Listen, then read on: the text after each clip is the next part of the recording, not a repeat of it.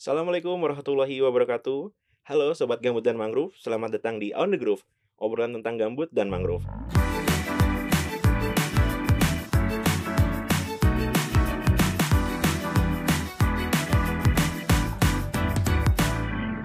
On The Groove merupakan podcast Badan Restorasi Gambut dan Mangrove yang akan membahas mengenai kegiatan restorasi gambut dan rehabilitasi mangrove beserta isu-isu terkini yang berkembang di masyarakat yang akan dikemas secara menarik, ringan, dan santai.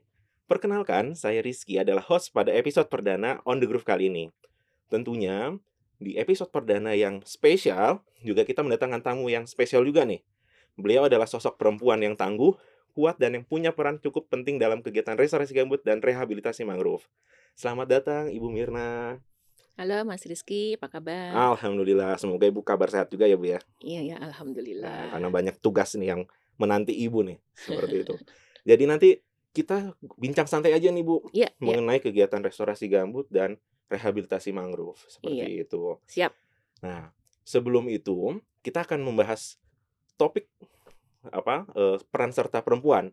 Namun sebelumnya kita mau menjelaskan Bu, apa sih kondisi apa bagaimana sih kondisi lahan gambut dan hutan mangrove kita?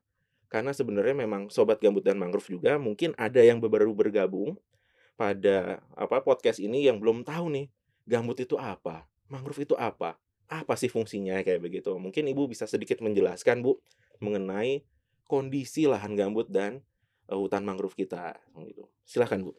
Ya, baik. Terima kasih Mas Hmm, Rizky. Senang sekali dapat kesempatan bisa ngobrol hmm, seperti ini ya. siap. Jadi kalau ditanya em, apa sih eh, gambut, apa sih mangrove, Hmm, eh, saya juga eh, percaya tidak semua orang mengetahui, terutama gambut ya. Kalau betul. mangrove mungkin eh, cukup banyak juga yang Iya. mengetahui, gitu ya. Em, sederhananya, kalau bicara gambut dan mangrove ini adalah dua eh, jenis ekosistem lahan basah. Oke. Jadi namanya juga lahan basah. Nah, Ini lahan basah, lahan basah beneran ya, hmm, bukan lahan basah dalam yang tanda oke kutip siap. gitu ya. Jadi ini eh, ekosistem lahan basah berarti dia eh, apa namanya? Apakah dia berada di wilayah pesisir dekat dengan Hmm, laut hmm, atau dia eh, sering tergenang dan lain-lain. hmm. Nah, itu eh, yang eh, kita art- apa yang sering kita eh, kenal ya eh, dengan eh, gambut dan mangrove itu. Baik. Nah, tadi kan Ibu sempat bilang Bu, apa namanya? Gambut dan mangrove ini adalah sama-sama lahan basah Mm-mm. dan saling keterkaitan. Apakah apa namanya? Tepatnya ekosistem itu selalu berdampingan atau mungkin ada gambut pasti ada mangrove ataupun sebaliknya ataupun memang ya gambut gambut ya mangrove mangrove kayak begitu Bu. Em, dua-duanya. Oh gitu. Jadi eh, di beberapa tempat, eh, terutama eh, di pulau-pulau kecil, Hmm, itu eh, gambut dan mangrove itu sering kali terletak pada satu eh, hamparan. baik. Jadi eh, misalnya di pesisirnya itu Hmm, mangrove, kemudian eh, setelah itu gambut hmm, seperti itu. Tapi ada juga hmm, yang tidak, ada juga yang hmm, hanya gambut hmm. saja dan eh, hanya mangrove Mangrove saja saja. kayak Mm-mm. gitu. Nah, untuk kondisi sendiri Bu, kondisinya nih. Apa namanya? Mungkin banyak sobat gambut dan mangrove ini sering mendengar Mm-mm. apa eh, kebakaran hutan, kebakaran Mm-mm. lahan kayak Mm-mm. begitu. Dan sering dikaitkan juga nih khususnya di lahan gambut, Bu. Mm-mm. Nah, kondisi seperti apa? Terkini tuh seperti apa sih Bu lahan gambut kita nih? Ya, kalau lahan gambut Hmm, kita itu kan punya lahan gambut yang sangat luas ya, ya. Eh, di dunia juga kita eh, punya lahan gambut yang cukup mm, termasuk Hmm, salah satu negara terbesar ya dengan lahan gambutnya hmm, gitu loh. Nah, tetapi eh, karena eh, kekeliruan di dalam pemanfaatan yang dilakukan selama berpuluh-puluh hmm, tahun, maka lahan gambut yang aslinya itu adalah ekosistem lahan hmm, basah itu dibuka seperti itu hmm. sehingga air yang terkandung di lahan basah apa di, eh, di lahan gambut Betul. itu tuh kemudian terus mengalir entah dia ke sungai atau sampai ke laut Hmm, seperti itu. Nah, eh, gambut eh, lahan gambut itu kemudian menjadi kering hmm, kan. Iya. Nah, padahal lahan gambut itu kan di dalamnya itu terkandung berbagai macam ya mungkin kalau orang awam mengatakan potongan-potongan kayu, ranting, serasah dan Berarti bahan lain-lain. organik gitu ya, Bu ya. Ya, heeh, bahasa kerennya bahan Hmm, eh, betul. organik seperti itu. Nah, itu kan kalau kering Hmm, eh, itu ya gampang terbakar. Coba kalau Mas Rik, Mas Rizky eh, camping gitu, hmm, kalau mau buat api unggun, kan paling bagus kan kalau menggunakan ranting-ranting Betul betul, kering karena gitu kan. mudah sekali terbakar Heeh, ya mudah gitu. mudah sekali terbakar dan itulah yang, eee, ada pada lahan gambut yang dibuka sehingga dia menjadi kering, karena itu menjadi rentan terbakar juga. Dan kalau misalkan boleh saya katakan, kalau misalkan saya melihat beberapa berita ataupun riset, itu kondisinya itu sudah memprihatinkan serta mengkhawatirkan nih, Bu. Mhm. Nah, kondisi ini juga apakah yang melatar belakangi BRGM dibentuk atau memang ada latar belakang lain atau alasan khusus BRGM ini dibentuk, Bu? Mungkin Mhm mhm. bisa sedikit dijelaskan, Bu. Iya, jadi, mmm, saya lanjutkan yang tadi ya. Baik, Jadi silakan. bahwa 2 ekosistem ini kan punya fungsi yang penting, Hmm. termasuk di dalam pengendalian perubahan iklim. Betul. Karena keduanya ini punya kemampuan untuk menyerap dan menyimpan karbon lebih besar dari, eee, beberapa, eee, ekosistem yang lain gitu loh. Hmm. Jadi kalau kita tidak menjaga, maka kita Mhm. juga berada di dalam situasi yang, eee, rawan Oh, juga rawan. terkait dengan Hmm, perubahan ya. iklim. Nah, belum lagi, eee, ketika kita melihat beberapa bencana ya, Oke. eee, kalau di, eee, gambut itu seperti tadi yang Mas Rizky, Hmm. sebutkan, eee, kebakaran Iya. seperti itu. Nah, kalau di mangrove itu, eee, itu misalnya, eee, abrasi, Hmm. kemudian, eee, implikasi dari abrasi Hmm. itu kan berarti air laut menjadi lebih, eee, Mudah mudah ya masuk, untuk hmm. masuk. Di beberapa tempat Hmm. ada lokasi-lokasi yang biasanya kata orang, Hmm. biasanya nggak pernah banjir, tapi kok sekarang Mudah banjir gitu ya, betul. seperti itu. Nah, melihat pada situasi itu, jadi tentu kita ingin melakukan sesuatu. Hmm. Pemerintah dalam hal ini, eee, ingin menunjukkan bahwa ini situasi nggak bisa dibiarkan nih. Nah, Ini hmm. harus di, eee, koreksi, Betul. kemudian juga dilakukan upaya-upaya untuk kembali Hmm. memulihkan, eee, ekosistem gambut dan mangrove yang, eee, sekarang dalam kondisi dalam tanda petik sedang sakit itu, itu. Baik. Nah, jadi, eee, tadi Ibu sampaikan bahwa sedang sakit nih, Mhm kayak mhm. begitu. Otomatis kan dengan adanya BRGM diharapkan dapat sembuh, kayak begitu. Dengan tujuan dapat sembuh ini, maka ada aksi, Bu. Nah, aksi ini yang saya sebut eee, istilahkan program utama BRGM dalam melakukan upaya restorasi gambut dan res apa, rehabilitasi mangrove ini apa saja, Bu? Bisa dijelaskan juga ya? Iya, jadi, eee, BRGM ini, Mhm. ini mungkin bu bagi, eee, teman-teman ya, Mhm. eee, yang belum, eee, banyak mendengar tentang Betul. BRGM ya. BRGM ini satu istilahnya itu lembaga non struktural yang punya tugas untuk 2 hal. Pertama adalah memfasilitasi percepatan restorasi gambut dan peningkatan kesejahteraan masyarakat. Baik. Jadi Hmm. 2 hal tuh nggak bisa dipisah, Mhm. restorasi gambut dan, eee, kesejahteraan Ah. masyarakat. Kemudian yang kedua adalah, eee, mempercepat pelaksanaan rehabilitasi mangrove. Itu menjadi tugas, eee, utama dari, BRGM. Nah, BRGM ini tidak bekerja di seluruh tempat. Baik. Dia hanya bekerja di beberapa tempat tertentu Oke, ya. baik. Tempat apa itu? Ya tempat di mana ekosistem gambut dan mangrove-nya itu dalam keadaan sakit tadi, Hmm. gitu loh.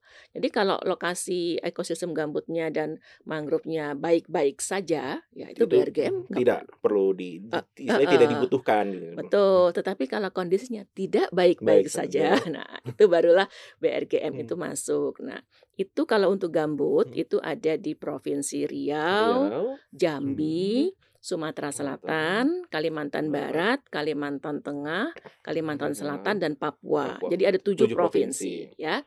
Sementara itu untuk, eee, rehabilitasi mangrove itu ada di Sumatera Utara, ada di, eee, Riau Riau juga ada, Kepulauan Riau, Bangka. Belitung, kemudian Kalimantan Barat, Kalimantan Timur, Kalimantan Utara, Papua, dan Papua Barat. oke. Jadi ada 9 Ada 9 9 provinsi. Nah, jadi apa saja sih, Bu, program-program untuk upaya restorasi gambut dan rehabilitasi mangrove dari BRGM? Ya, kalau bicara program tentu banyak sekali Betul, ya. Mas Rizky ya. Eee, BRGM itu memulai dari melakukan perencanaan Hmm. ya, karena kita tidak bisa melakukan sesuatu kalau Betul. perencanaannya, eee, tidak Hmm. disiapkan dengan baik Betul. ya. Di dalam perencanaan itu ada pengumpulan data, eee, kemudian juga merumuskan, kira-kira di mana akan bekerja, bagaimana cara, Hmm. Eee, apa namanya, cara kita bekerja Ya. dan lain-lain. Semuanya disiapkan di dalam perencanaan. Hmm. Nah, setelah itu, setelah dilakukan perencanaan, itu masuk kepada fase yang namanya pengkondisian. Pengkondisian. Pengkondisian masyarakat. Loh, kenapa kok harus bicara masyarakat? Ya, kan gitu kan, eee, sering ba banyak orang bertanya Ya. kepada, eee, saya tuh begitu. Ya karena kalau kita bicara mangrove, bicara gambut, kita tidak sedang berbicara lahan kosong. Tapi masyarakatnya itu yang Di sana ada orang, betul. ya kan? Hmm. Gitu loh. Di sana ada orang. Nah, orang ini kan berkumpul menjadi satu komunitas gitu ya dan mereka ada, eee, banyak sekali yang hidupnya bergantung di situ atau kepentingannya ada di Betul. situ. Nah, masyarakat ini harus diajak ngomong. Oke, berarti harus ada sedikit sosialisasi lah ya, Bu, ya? Iya, kayak gitu heeh. ya. Nah, untuk sebelum sampai ke sosialisasi, kita Mhm. harus nyampaikan informasi dulu, Oh, oke. gitu loh. Kami datang ke masyarakat pertama memberikan informasi. Jadi informasi tentang, eee, siapa ka Hmm. Kami, akan melakukan apa, dan kemudian juga berdiskusi dengan masyarakat, kalau kita ingin melakukan ini, kira-kira Hmm. masyarakat itu setuju atau Atau tidak. tidak. Nah, di situlah dialog terjadi, Mhm. gitu ya. Sampai kemudian masyarakat bisa memahami dan akhirnya bisa menyetujui, Nah, gitu loh. kalau misalkan ada masyarakat yang ya da tanda kutip "menolak" lah, Bu, kayak Mhm. gitu, dari apa yang tadi di disampaikan maksud tujuannya BRGM Mhm. datang nih, kayak Mhm. gitu. Itu ada langkah-langkah berikutnya nggak? Ya. Nah, penolakan itu kenapa terjadi? Pada umumnya penolakan itu terjadi karena mereka tidak mendapat informasi secara utuh. Gitu kan. Eee, mungkin informasinya sepotong-sepotong sehingga menimbulkan asumsi ataupun prasangka. Wah, nanti kalau dilakukan misalnya untuk restorasi gambut ya, kalau dilakukan penyekatan kanal, nanti lahan saya akan kebanjiran Iya. atau saya nggak akan kebagian air gitu ya. Nah, eee, itu sering terjadi. Jadi karena itu kami tidak, eee, jemu-jemunya selalu menyampaikan informasi selengkap-lengkapnya kepada masyarakat. Kemudian yang kedua, bisa jadi masyarakat juga mempunyai pengetahuan Hmm. karena mereka tinggal di situ. Iya. Mereka lama sekali Benar. kadang-kadang sejak lahir ada di Jadi ada situ. istilahnya, eee, kebiasaan-kebiasaan mereka. Betul, Ya, gitu. mungkin ada kearifan lokal lokal. mereka juga Mhm. ya gitu loh. Seperti misalnya, eee, ketika ingin menanam, Hmm. eee, apa namanya, Hmm. jenis-jenis Hmm, mangrove. Tapi Mas Rizky pernah memikirkan nggak gimana caranya mangrove, yang seindah itu, Hmm. itu bisa bisa tumbuh? Kan perlu ditanam. Betul. Nah, kalau kita tahu pe penanamannya itu kan, eee, di lahan yang berlumpur dan lain-lain. Kalau nggak ngerti cara nanamnya kan juga repot. Iya, Ya, setuju saya, Bu. Nah, ternyata masyarakat punya Hmm. punya kearifan lokal, cara menanam yang unik gitu Berarti ya. di setiap daerah tuh memiliki apa, caranya masing-masing Betul. Nah, begitu. kadang-kadang mereka juga punya Mhm, pengetahuan heeh. yang kita juga perlu dengar gitu loh. Nah, eee, jadi kita berdialog, kita berbagi pengetahuan sampai menemukan satu kesepakatan, oh ba baiknya begini Hmm. caranya, di sini Ini. ditempatkannya. Nah, ini perlu waktu.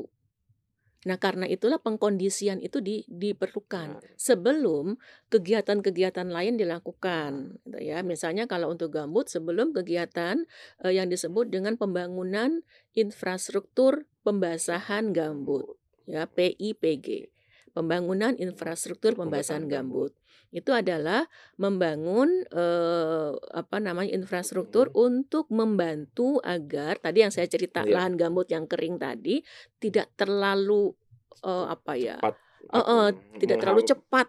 menghambat ya, Bu, ya, eee, mem apa, bukan menghambat ya istilahnya, memperlama lah. Iya, Dia memperla memperlama Nah, air itu berada ada di situ situ, gitu betul. ya. Nah, itu kan bisa dilakukan dengan menyekat kanal. Kanal itu kayak apa sih, sungai-sungai atau parit-parit kecil Oke. gitu ya, eee, terutama kanal-kanal yang dibangun, yang kanal-kanal buatan gitu Berarti, ya. eee, sungai kayak gitu tidak termasuk ya, misalkan memang ada Enggak. sungai alami di dalam satu lahan gambut itu, Enggak gitu enggak tidak di-skat, enggak oke. enggak enggak. Kan bagaimanapun juga alam semesta ini kan punya hukumnya sendiri ya. Betul. Kenapa sih harus ada sungai alam di situ tuh pasti ada Hmm. fungsinya gitu loh. Hmm. Tapi yang kita bicara ini adalah yang buatan Buatan manusia manusia. itu. Nah, itu kita lakukan penyekatan-penyekatan supaya tadi airnya nggak nggak bablas Iya, gitu loh nggak ya. loss ya. Nggak loss gitu.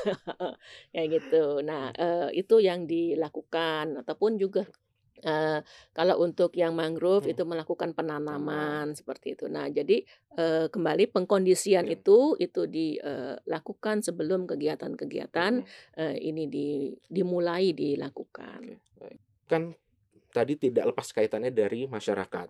Otomatis BRGM pasti melibatkan masyarakat terutama, perempuan kayak Mhm. begitu. Saya sering mendengar kata Desa Mandiri Peduli Gambut. Dan Desa Mandiri Peduli Mangrove. Seberapa apa eh, besar sih Bu peran perempuan ini dalam melakukan upaya restorasi gambut dan rehabilitasi mangrove? Ya, eee, Mas Rizky sebelum masuk ke situ, Hmm. saya mau tanya Mas Rizky boleh ya? Kan Mas Rizky berkali-kali tadi menyebut perempuan Betul, betul. perempuan gitu loh. Sekarang saya mau tanya, di bayangan Mas Mhm. Rizky, apa sih, eee, keunikan perempuan itu? Mungkin bisa 1, 2 kata. Keunikan perempuan yang pernah saya rasakan atau ketemunya adalah instingnya yang kuat, Bu. Instingnya kuat, dalam Betul. hal apa tuh? Dalam segala hal. Oke, Ya begitu, heeh. misalkan, eee, s contohnya seorang ibu ya, Ibu, Bu, heeh, gitu ya. heeh. Eee, beliau itu tahu kalau Mhm. saya sedang tidak baik-baik saja, Heeh. kayak gitu, pasti beliau setidaknya menanyakan, Mhm. "Apakah kamu sehat atau Mhm. sakit?" Kayak gitu. Mhm. Itulah yang saya rasakan kayak gitu, Bu. Iya iya. Nah, kenapa ibunda, Hmm. eee, itu, eee, melakukan itu? Eee, pada umumnya kan kalau kita lihat ya ibu kita ya, Mhm itu mhm. kan naluri untuk merawatnya kan tinggi ya. Betul. Oh, oke oke, saya mulai menangkap ini. Oke, Oke. heeh, ya. Nal nal naluri merawatnya tuh tinggi karena Hmm. memang ya, eee, dari memang fitrahnya kan Iya. ketika sudah jadi ibu, punya apalagi sudah Hmm, punya punya anak. ya mau nggak mau gitu loh. Hmm. Saya tadi lupa yang tadi Rizky juga tanyakan Mhm. ya, Rizky Rizky sebut Desa Mandiri Peduli Peduli Gambut dan Desa Mandiri Peduli Mangrove. Di mana sih tempat perempuan di situ, Betul. ya. Perannya itu di mana Perannya ya? di mana? Nah, Mhm. Desa Mandiri Peduli Gambut dan Desa Mandiri Peduli Mangrove ini adalah salah satu program dari BRGM yang, eee, mencoba menghubungkan antara kegiatan restorasi gambut dan rehabilitasi mangrove dengan pembangunan pedesaan. Ya, kenapa harus dengan pembangunan pedesaan? Ya karena lokus kerja kita kan di desa, Desa. gitu kan. Jadi ini nggak boleh terpisah. Pembangunan desa itu harus juga eee, memasukkan aspek restorasi gambut dan rehabilitasi mangrove, seperti itu. Nah, dalam kaitan itu, eee, perhatian kepada kelompok perempuan itu di diberikan secara, eee, khusus juga. Eee, karena kita menginginkan agar kelompok ini jangan sampai tertinggal. Hmm. Baik baik. Kelompok ini jangan sampai nggak tahu. Hmm. Karena tadi, karena sebenarnya mereka punya potensi untuk merawat Hmm. dan mereka ketika terjadi bencana juga sangat Rentan, rentan, seperti itu. Nah, tapi Mhm. pertanyaan selanjutnya yang muncul nih, Bu. Mhm. Tadi kan, eee, peran serta segala macam di dalam desa. Mhm. Nah, apakah si desanya ini sudah membuka peluang Mhm. untuk apa, eee, istilahnya peran perempuan ini diikut sertakan dalam melakukan upaya yang tadi Ibu sebutkan? Ya, itu pertanyaan yang sangat baik sekali, Hmm. Mas Rizky. Karena kenyataannya Hmm. ya, eee, yang kita hadapi itu adalah masyarakat dengan kebudayaan sendiri. Hmm. Orang sering katakan ini namanya kebudayaan patriarkal gitu ya, Oh, kebudayaan patriarki. yang menempatkan, Hmm. eee, laki-laki, eee, dalam posisi, dalam peran yang, eee, lebih dari perempuan ya. Hmm. Ini fakta. Saya Faktanya. tidak akan mengatakan ini salah atau benar enggak, ini Enggak, fakta, faktanya. ya kan? Kan seperti itu kan? Kebanyakan. Ke iya kan? Iya, Ya, kebanyakan seperti itu. Nah, ketika masuk dengan Desa Mandiri Peduli Gambut, itulah fakta yang juga di Dihadapi. gitu loh. Nah, kami tidak Hmm. memilih cara yang, eee, apa namanya, yang sangat, eee, sangat, eee, Kontroversial. kontroversial seperti itu. Misalnya ya harus meminta bahwa Hmm. ini harus perempuan Perempuan gini atau gini, enggak. kelompok wajib perempuan gitu enggak ya, Heeh Bu? heeh Hmm. heeh heeh, apalagi harus, eee, seperti di partai politik harus Ah, 30%. 30%. Nah, enggak enggak Iya iya. enggak enggak gitu pendekatannya. Pendekatannya pelan-pelan Hmm. gitu loh. Karena kita sadar ini ada barrier kebudayaan Nah. Gitu loh. Nah, kita pelan-pelan ngomongnya Hmm. gitu ya kepada, Hmm. tokoh-tokoh masyarakat, Mhm. kepada, mmm, apa namanya, eee, aparat desanya bahwa penting juga ya Hmm. kalau kita misalnya nih kita Hmm. mau, sedang, eee, menyelenggarakan pertemuan, kita juga minta, "Boleh ya diajak Hmm. ya, eee, ibu-ibunya," Betul. seperti itu. baik baik. Ya pada awalnya cuman 1, 2, Hmm. tapi lama-kelamaan kan juga itu, eee, apa namanya, itu ber eee, tambah Mmm, seperti itu. bertahap gitu ya. Ya, terus yang kedua juga yang dilakukan adalah mencoba mencari di desa tersebut kira-kira kegiatan apa sih yang banyak dilakukan oleh perempuan. Hmm. Nah, mak maka ketemulah, oh ternyata desa itu, eee, dari dulu Hmm. itu, eee, banyak perempuan yang menganyam gitu Oh. ya. Nah, kita masuk ke situ gitu loh. Jadi kita masuk melalui ke apa namanya, aktivitas perempuan itu. kegiatan-kegiatan yang sudah Betul, ada di desa yang sudah tersebut. ada. Terus juga mungkin ada di kelo di desa tersebut kelompok wanita tani, ya kita masuk Mhm, di situ gitu loh. Eee, jadi prinsipnya adalah mencoba tidak menggunakan kegiatan-kegiatan baru, Mhm. tetapi meng me apa, Manfaatkan memanfaatkan yang kegiatan yang sudah sudah ada, ada. seperti Baik. itu. Atau juga di kelompok-kelompok pengajian Hmm. seperti itu. Kita juga masuk berdiskusi dengan, eee, kelompok-kelompok perempuan. Ya. Dan, eee, pada akhirnya kemudian, eee, memberikan, eee, dukungan pada upaya-upaya yang berkaitan dengan restorasi gambut dan rehabilitasi mangrove yang, itu, dilakukan oleh Mhm. perempuan. Misalnya apa?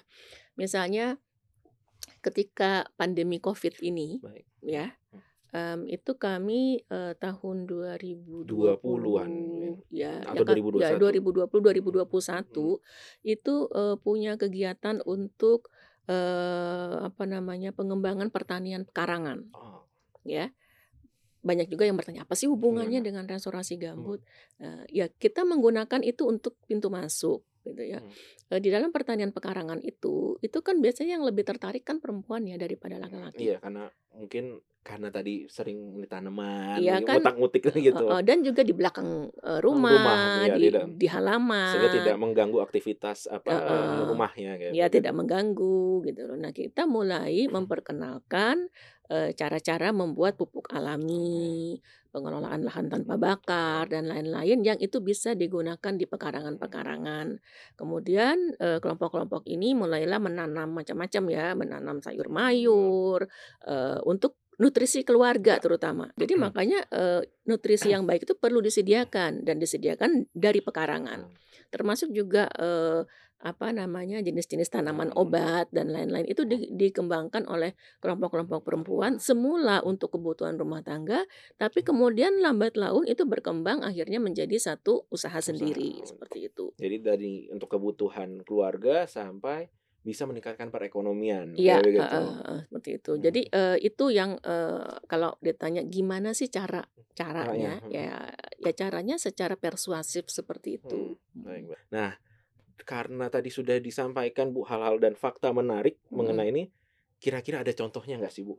Dari BRGM ini yang, apa namanya, eee, perempuan itu sebagai, eee, salah satu peran, Eee, di di dalam desa tersebut yang melakukan upaya restorasi gambut dan rehabilitasi mangrove.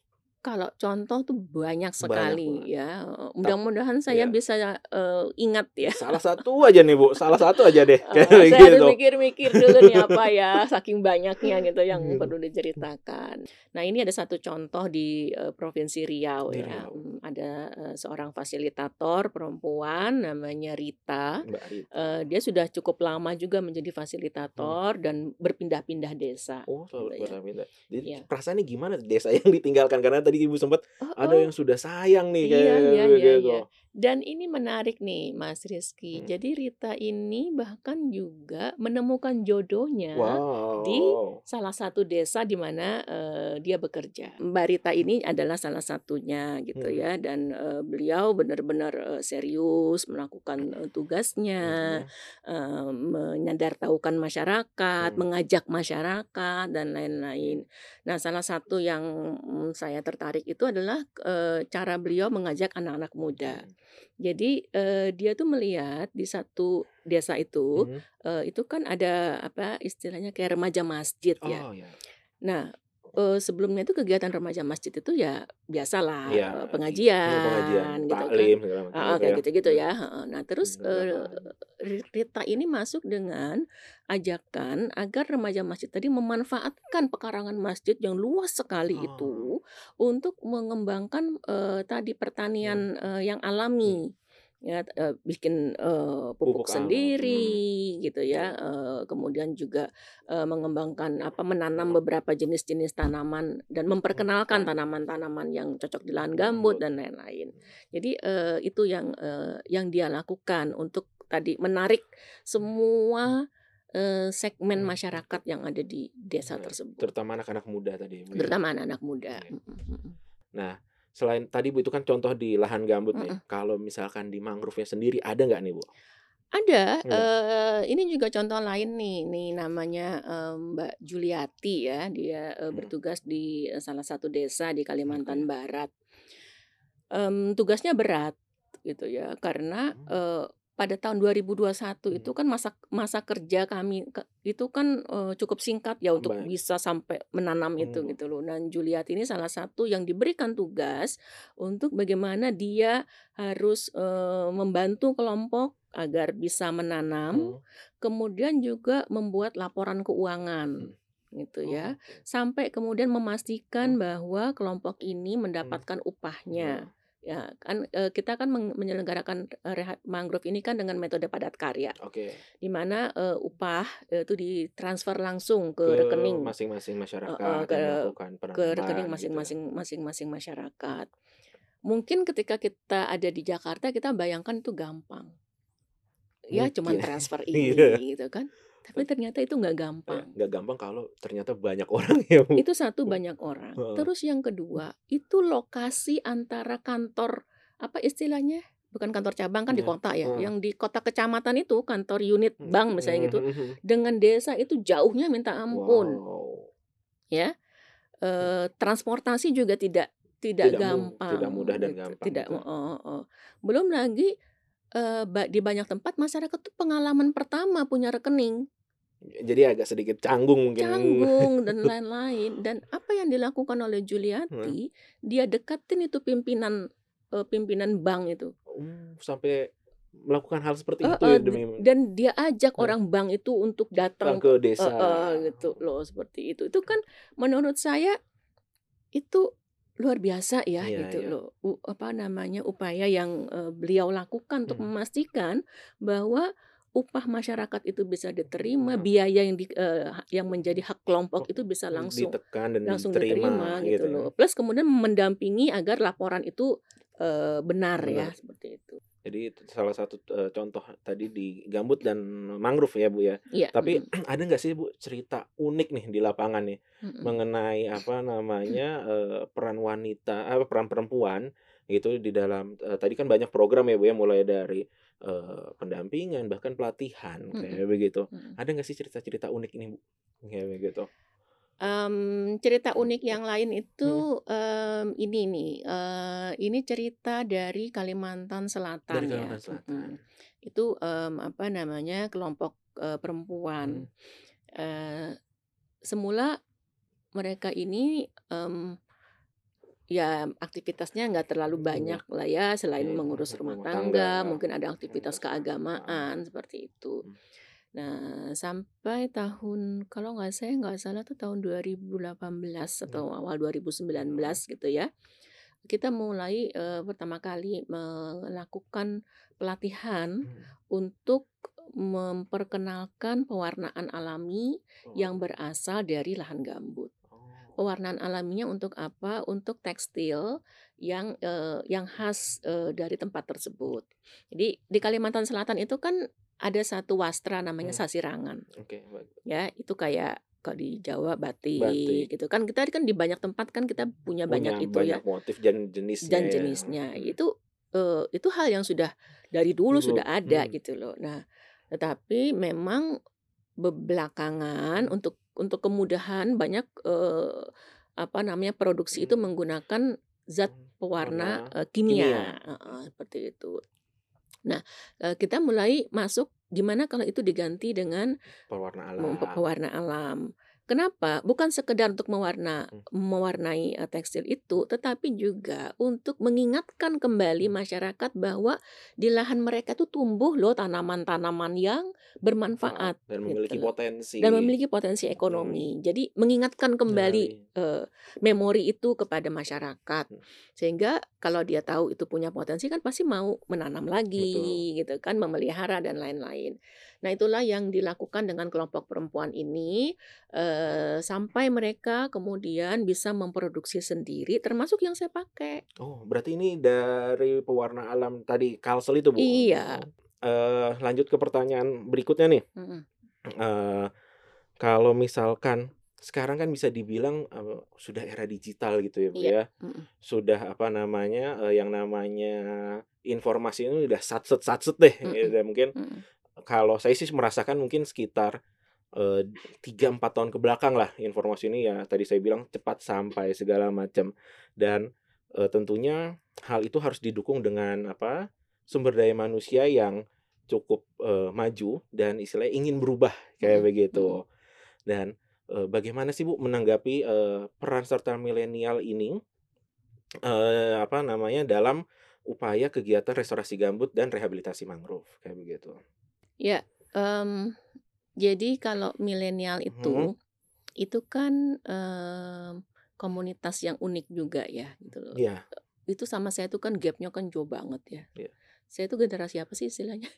Generasi Generasi apa? setelah baby boomers itu apa Beb namanya tuh? oh kalau saya sih tahu baby boomers karena orang tua saya juga Iya, masuk baby boomers. Ya itu. pokoknya saya generasi Setelah setelah baby itulah, iya. heeh, gitu ya. Nah itu kan, mmm, apa namanya, cara kita me melihat sesuatu kan berbeda ya. Mhm. Kalau milenial kan katanya nih, eee, itu, eee, apa, menginginkan segala sesuatu ce cepat Mhm. gitu kan dan, eee, visual Mhm. kan gitu ya, Iya. eee, dan punya rasa ingin tahu Tahu. yang tinggi gitu loh, dengan daya kritisnya yang juga luar Betul. biasa karena terpapar informasi terus, Iya iya. gitu kan. Nah seperti itu. Nah ini potensi yang luar biasa. Terutama bagi lembaga seperti BRGM ini Mhm. yang, eee, tugasnya sangat berat, harus melayani Mhm, begitu banyak. masyarakat gitu kan dengan berbagai macam Kebutuhan. kelompok-kelompok, eee, dan juga yang paling penting adalah yang perlu kita lakukan itu, itu adalah membuat semua orang menyadari bahwa yang namanya mengurus gambut dan mengurus Iya mangrove betul. itu, itu perlu jadi perhatian semua pihak, Baik. Gitu ya. Nah jadi sobat gambut, eee, tadi adalah beberapa apa, eee, perbincangan santai dengan Bu Mirna mulai dari BRGM itu apa, terus isu-isu perempuan yang apa, ada di BRGM dan peran serta perempuan di dalam upaya restorasi gambut dan rehabilitasi mangrove itu dapat dihadirkan gitu. Namun kalau dalam perbincangan nih Bu, Mhm. tidak lengkap rasanya kalau narasumbernya kita tidak ulik. Aduh, Waduh. kayak gitu. Jadi Saya boleh izin?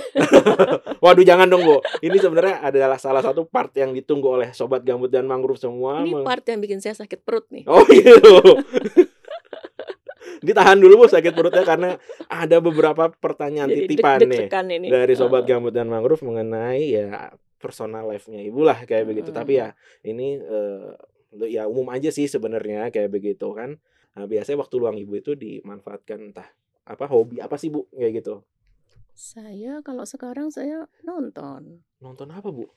Drakor lagi jangan-jangan. enggak, enggak. Kalau yang ini saya sampai sekarang mencoba untuk berketetapan hati untuk jangan dulu. Oh gitu. Tapi kalau kalau serial yang lain saya saya nonton. Oh, non Mhm. berarti nonton ya Bu ya? Iya. Baik, sekarang kita masuk ke sesi games dan sesi games ini akan dipandu oleh kru dari On The Groove. Nah, mungkin kru dari On The Groove bisa langsung mengambil alih nih peran saya sementara untuk bermain games dengan Bu Mirna. Silahkan. Oke, halo Bu Mirna, Mas Halo. Rizky. Halo. Sekarang kita akan masuk ke games ya. Udah siap ya? Oke. insya Allah siap lah. Oke, jadi di sini kita ada satu kata. Nanti Bu Mirna dan Mas Rizky akan mencari kata yang sinkron dengan kata yang saya sebutkan tadi. Nah, nanti ganti-gantian Bu Mirna di awal menyebutkan kata, lalu dilanjutkan Mas Rizky, kembali ke Bu Mirna sampai nanti ada salah satu dari Bu Mirna dan Mas Rizky yang tidak bisa melanjutkan kata tersebut. harus berpikir keras ini Bu berarti. Iya. Nah, nanti akan kita beri durasi 5 detik untuk berpikir. Jadi kalau udah lebih dari 5 detik kita nyatakan gugur atau kalah gitu ya. Mhm. Oke, sudah siap? Siap, Coba ya. siap, siap. Kita siap-siapin aja lah pokoknya. Yang berhubungan dengan kata mangrove. Ah, saya suka ini mangrove nih. Hijau, Perkasa. lestari, Hmm, Rhizopora, Avicennia, basah, pesisir, pantai, pulau, abrasi, banjir, hmm, wisata, desa, nelayan, petambak, kepiting, udang, hmm, ikan dok-dok tuh apa sih? Glodok? Ikan glodok. Nah, eh, udah ikan tadi ya? Belum. Oh, ikan, ikan, ikan, ikan. Eh, Rumput laut. Lima, empat, Aduh. tiga, dua, satu. Ah, Ya, games ini dimenangkan oleh Ibu Mirna. Oke. Gitu. Baik, terima kasih banyak Crew on the Groove yang telah memandu games pada episode kali ini dan mungkin tidak terasa Bu kita udah berbincang mungkin cukup lama lah ya. Iya. Gitu. Ada sedikit souvenir dari on the Waduh. Groove nih. Kira-kira diperbolehkan nggak Ibu kita ngasih ke Ibu nih? Oh, dengan senang hati. Ah, Oke, siap kalau kayak gitu. Mungkin ini ada dari kru yang eh, telah menyiapkan Gitu ya. eh, souvenir. Mohon diterima Bu. Oh, ternyata topi. Wow. Nih. Ini apa? Topi. Iya. Tulisannya on the groove ya. Saya yakin kru on the groove ini sudah mengetahui Ibu sering ke lapangan, makanya Saya pakai ya. diberikan topi. gitu. Ini sangat berguna sekali. Terima kasih ya. Iya, Mas sama-sama. Teman-teman on the groove, terima kasih. Terima kasih banyak juga Ibu telah meluangkan waktu nih ngobrol dengan kami ya begitu. Dan eh, namun ada sedikit apa namanya istilahnya closing question nih. Bu. Mm-mm. Apa harapan dan pesan Ibu? Em, pesan ini sih sebenarnya secara khusus saya eh, sampaikan kepada teman-teman yang berada di desa-desa, para kader sekolah lapang, eh, para kader eh, kelompok-kelompok eh, perempuan, juga teman-teman fasilitator desa untuk tetap menjaga eh, semangat. Hmm. Eh, kita masih eh, panjang eh, jalan kita Hmm. untuk memastikan bahwa restorasi gambut dan rehabilitasi Hmm. mangrove ini eh, berjalan dengan baik. Karena itu eh, semangat dari teman-teman eh, sangat diperlukan dan ini juga bisa memberikan energi yang positif bagi Amin, kita amin. semua untuk eh, semakin kuat, semakin kompak dan semakin berjaya. Baik. Baik, terima kasih banyak Bu Mirna atas Sama-sama, Mas Rizky. jawabannya nih yang sangat menyentuh nih, mungkin untuk perempuan di seluruh Indonesia. Baik, eh, sobat Gambut dan Mangrove, tadi itulah perbincangan eh, kita dengan Bu Mirna mengenai eh, gambut dan mangrove serta peran wanita dalam upaya restorasi dan rehabilitasi mangrove. Mungkin kita bisa ini Bu, ada tagline dari BRGM nih Ya. yang mungkin sudah cukup terkenal di mana-mana deh kayak Mm-mm. gitu. Eh, mungkin kita bisa bersama-sama nih Bu sebelum Mm-mm. closing. Ya. Eh, dan sebelum itu sih saya ingin mengingatkan juga buat sobat gambut dan mangrove untuk eh, memfollow media sosial BRGM baik itu Facebook, Twitter dan Instagram serta di subscribe juga channel YouTube BRGM karena eh, podcast eh, episode perdana ini juga akan tayang di channel YouTube BRGM. Mungkin itu. Baik Bu, mungkin kita bisa bersama-sama Bu. Badan Restorasi Gambut dan Mangrove, pulihkan gambut, hijaukan mangrove, tingkatkan kesejahteraan. Thank you, thank you.